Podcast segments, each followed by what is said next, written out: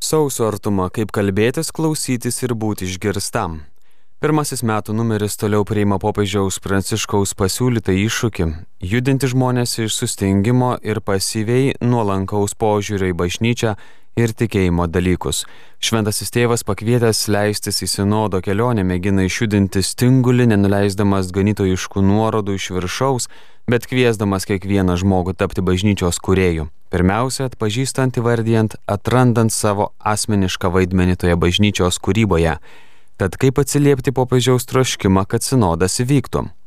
Laiškė skaitytojams atsakingoji redaktorė sesuo Marija Valiulytė svarsto, tikriausiai retas, kuris šiais dar vieneriais pandeminiais metais savo aplinkoje nepatyrė baimės, nerimo ar sutrikimo dėl savęs, artimųjų bendruomenės, bažnyčios, valstybės, susipriešinimo ar nesusikalbėjimo. Sąrašą galima tęsti. Marija tikisi, kad šventoji dvasia ras, kaip mus prakalbinti ir išmokys klausytis artimo, jį girdėti ir išgirsti. Tai atsiveria tai ir per artumą, tai išsipildo. Artėjant Lietuvos katalikų bažnyčios kronikos pirmojo numerio pasirodymo 50-mečiui, Laisvės premiją Seimas skyrė trims jos bendradarbiams vyskupui ir dviem vienuoliams, kantriai dirbusiems leidyboje ir platinime sovietinės okupacijos metais, Kokie tai žmonės, ryžėsi rizikuoti savo patogią ramybę ir netgi laisvę.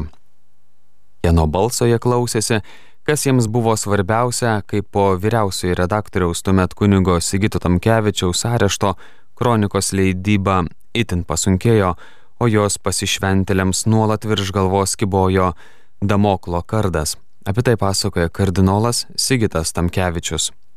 Vaikų sinodo puslapyje tekstas pavadintas teiginiu Kultūringi žmonės visada išklauso kitus. Penkerių šešerių metų vaikai jau puikiai įsidėmi įvertina, kada jie buvo išgirsti ir išklausyti. Atsargiai, mėly teveliai ir visi suaugusieji, tokie prisiminimai išlieka visam laikui, net jei ilgainiui požiūris ir pasikeičia. Nuolatinis artumos bendrautoris tėvas Antanas Saulaitis straipsnėje Pagunda spausti iliustruoja popiežiaus pasiūlytą sausio maldos intenciją už visus dėl religijos diskriminuojamus ir persikiojimus žmonės, kad visuomenės, kuriuose jie gyvena, pripažintų jų teisės ir kilnumą, kylant iš visų žmonių brolystės. Kai kurios valdžios persekioja bet kurios tikybos žmonės, nes jų ištikimybė pranoksta politinės ar karinės valdžios apimtis, sako tėvas Antanas. Ar jaučiuosi bažnyčios dalis, ar galiu apie jos narius ir save pasakyti mes? Apie tai svarsto Antanas Gailius straipsnėje, kad nepritrūktume. Kokiais klausimais turėtume kalbėtis eidami sinodo keliu? Pirmasis jo etapas netrukus baigsis. Per nelik dažnai, per visus, ką tik pasibaigusius metus patyrėme, kad labiau esame linkę būti ne muitininkais, bet fariziejais, teigia Gailius. Tad kaip apibūdinčiau pats ar pati save? Kaip šiais iššūkių metais sekėsi naujajai valdžiai? Ar įmanomas dialogas susipriešinime? Apie tai Artumos vyriausiojo redaktoriaus Dariaus Kmeliausko pokalbis su ISM vadybos ir ekonomikos universiteto docentu dr. Vincentu Vobalevičiumi. Kaip vertina daugelis katalikų turinčius savo, savo valdžios viziją atsiradusią švelnę prievartą, kad ir galimybių paso įvedimą. Šeimų maršas, partnerystė, pabėgėliai kaip valstybė sprendžia šios reikalus, kuriuos praėjusiai metai suaktualino iki skausmingo pasirinkimo. O ką manai tu, žmogau, laikantis save kataliku, o ir tu atstovaujantis tautos balsui, stovintis prie valstybės vairo.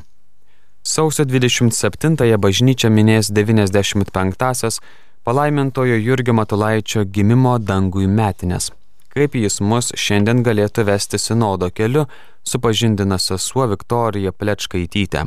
Tėvas Jurgis mylėjo bažnyčią ir labiau už viską jam rūpėjo sielų išgelbėjimas, tai yra bendra visų kelionė į tikslą - tėvo namus.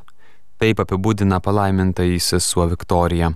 O svarbiausia, ir taip aktualu šiandienai jis mokėjo kalbėti ir klausytis kitų, taip pat ir kitokių ir iš visų balsų išskirti šventosios dvasios balsą. Tad prasidėjusi naudai verta prisiminti tėvo Jurgio perspėjimą. Reikia pirmiausia pačiam Dievo keliais imti vaikščioti, o paskui jau rūpintis, kad ir kitimtų tais pačiais Dievo keliais vaikštinėti. Mažiausiai trys tekstai artumoje apie klausimą, mokėjimą klausytis, gebėjimą ir norą kitą išgirsti ir reikalui esant jam padėti. Kaip kalbėtis, kad išgirstume, klausė daktarė Nijolė Liobikinė. Skaitytojui siūloma praktinių patarimų, kaip susikalbėti, būti išgirstam ir kuo tiksliau reikšti savo mintis. Pasak popiežiaus Pranciškaus dabar esame pakviesti į tarpusavio įsiklausimo pratybas. Gal iš klausimo galėtume pasimokyti iš karito tarnystės, apie tai patirtimi dalyjasi išklausimo tarnystės koordinatoriai iš Klaipedos, Vilniaus ir Tauragės. Naujuoju numeriu atveriame naujas pažinimo duris ir mėginame perprasti, kokie santykiai su tikėjimo praktika ir pačia bažnyčia klostosi tarp Lietuvos kūrybos žmonių. Pirmasis intriguojantis pokalbis su prozininkė, dramaturgė poete Laura Sintija Černiauskaitė. Teisingas ir nuoširdus ganytojas, sako Laura Sintija. Tai autentiškas, nuoširdus žmogus. Tas, kuris nepridengia kunigiste savo trūkumų. Sinodus ne vieną šimtmetį rengia mūsų broliai krikščionys, todėl sausį, kai skirtingų konfesijų krikščionys renkasi į bendrą maldą, artuma kviečia geriau vieniems kitus pažinti. Su tradicinė sinodiškumo ortodoksų bažnyčioje samprata supažindina ortodoksų kuningas Ginteras Jurgis Sungaila. Apie sinodinę tradiciją Lietuvos evangelikų reformatų bažnyčioje teiraujamės Raimundo Stankievičiaus, generalinio superintendento Kedainių, Panevežio, Papilio ir Varšuvos reformatų parapijų kunigo. Kuningas biblistas Algirdas Akelaitis sugražina skaitytojus į pradžių pradžią, į Adomo, Jėvos ir gyvatės žalčio istoriją. Kokie buvo pirmieji pokalbiai Biblijoje? Ar visa, ką sakė gyvatė, buvo gundimo melas? O gal kai kas išsipildė? Žodis nuo pradžių pradžios kūrė ir griovė. Praėjo daugiau kaip 2000 metų, o mes tebesimokame kalbėtis klausyti, susikalbėti, adekvačiai kitą išgirsti. Tad atverkime klausą ir širdis, žengdami į naujuosius sinodiniu keliu. Apžvalga parengė Dovilė Zelčiūtė.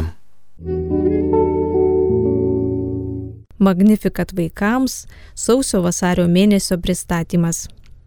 Kokia Dievo valia ir ko jis trokšta mums konkrečiai kiekvieną dieną, kokiu keliu manėti, kad būčiau laimingas ar laiminga.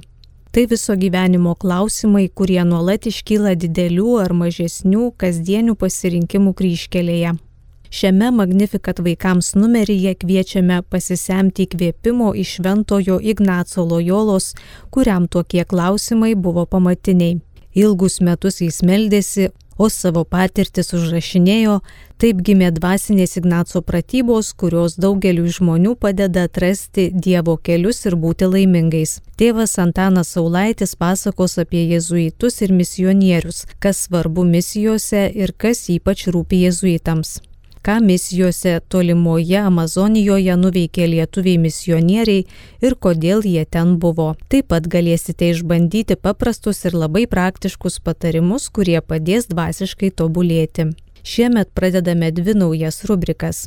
Rubrikoje Pažink, suprask, pamastyk 12 mokinių profesorė Irena Vaišvilaitė supažindins su 12 Jėzaus apaštalų ir jų vaizdavimu mene kodėl jie svarbus ir kaip menininkai juos vaizduoja mene. Kviesime tyrinėti meno kūrinius ir juos suprasti.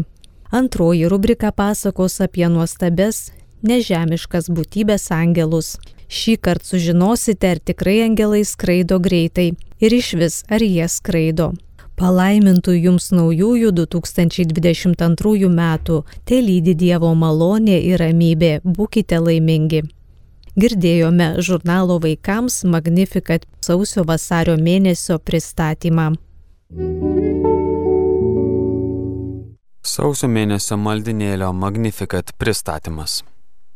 Labai simboliška, kad naujuosius metus pradedame melzdami pasauliui taikos. Neturime iliuzijų, kad staiga iš visų žmonių ir valstybių vadovų širdžių išnyks priešiškumo, godumo, visa galybė sėklos, bet nuolankiai pasitikime tuo, kuriam nėra negalimų dalykų.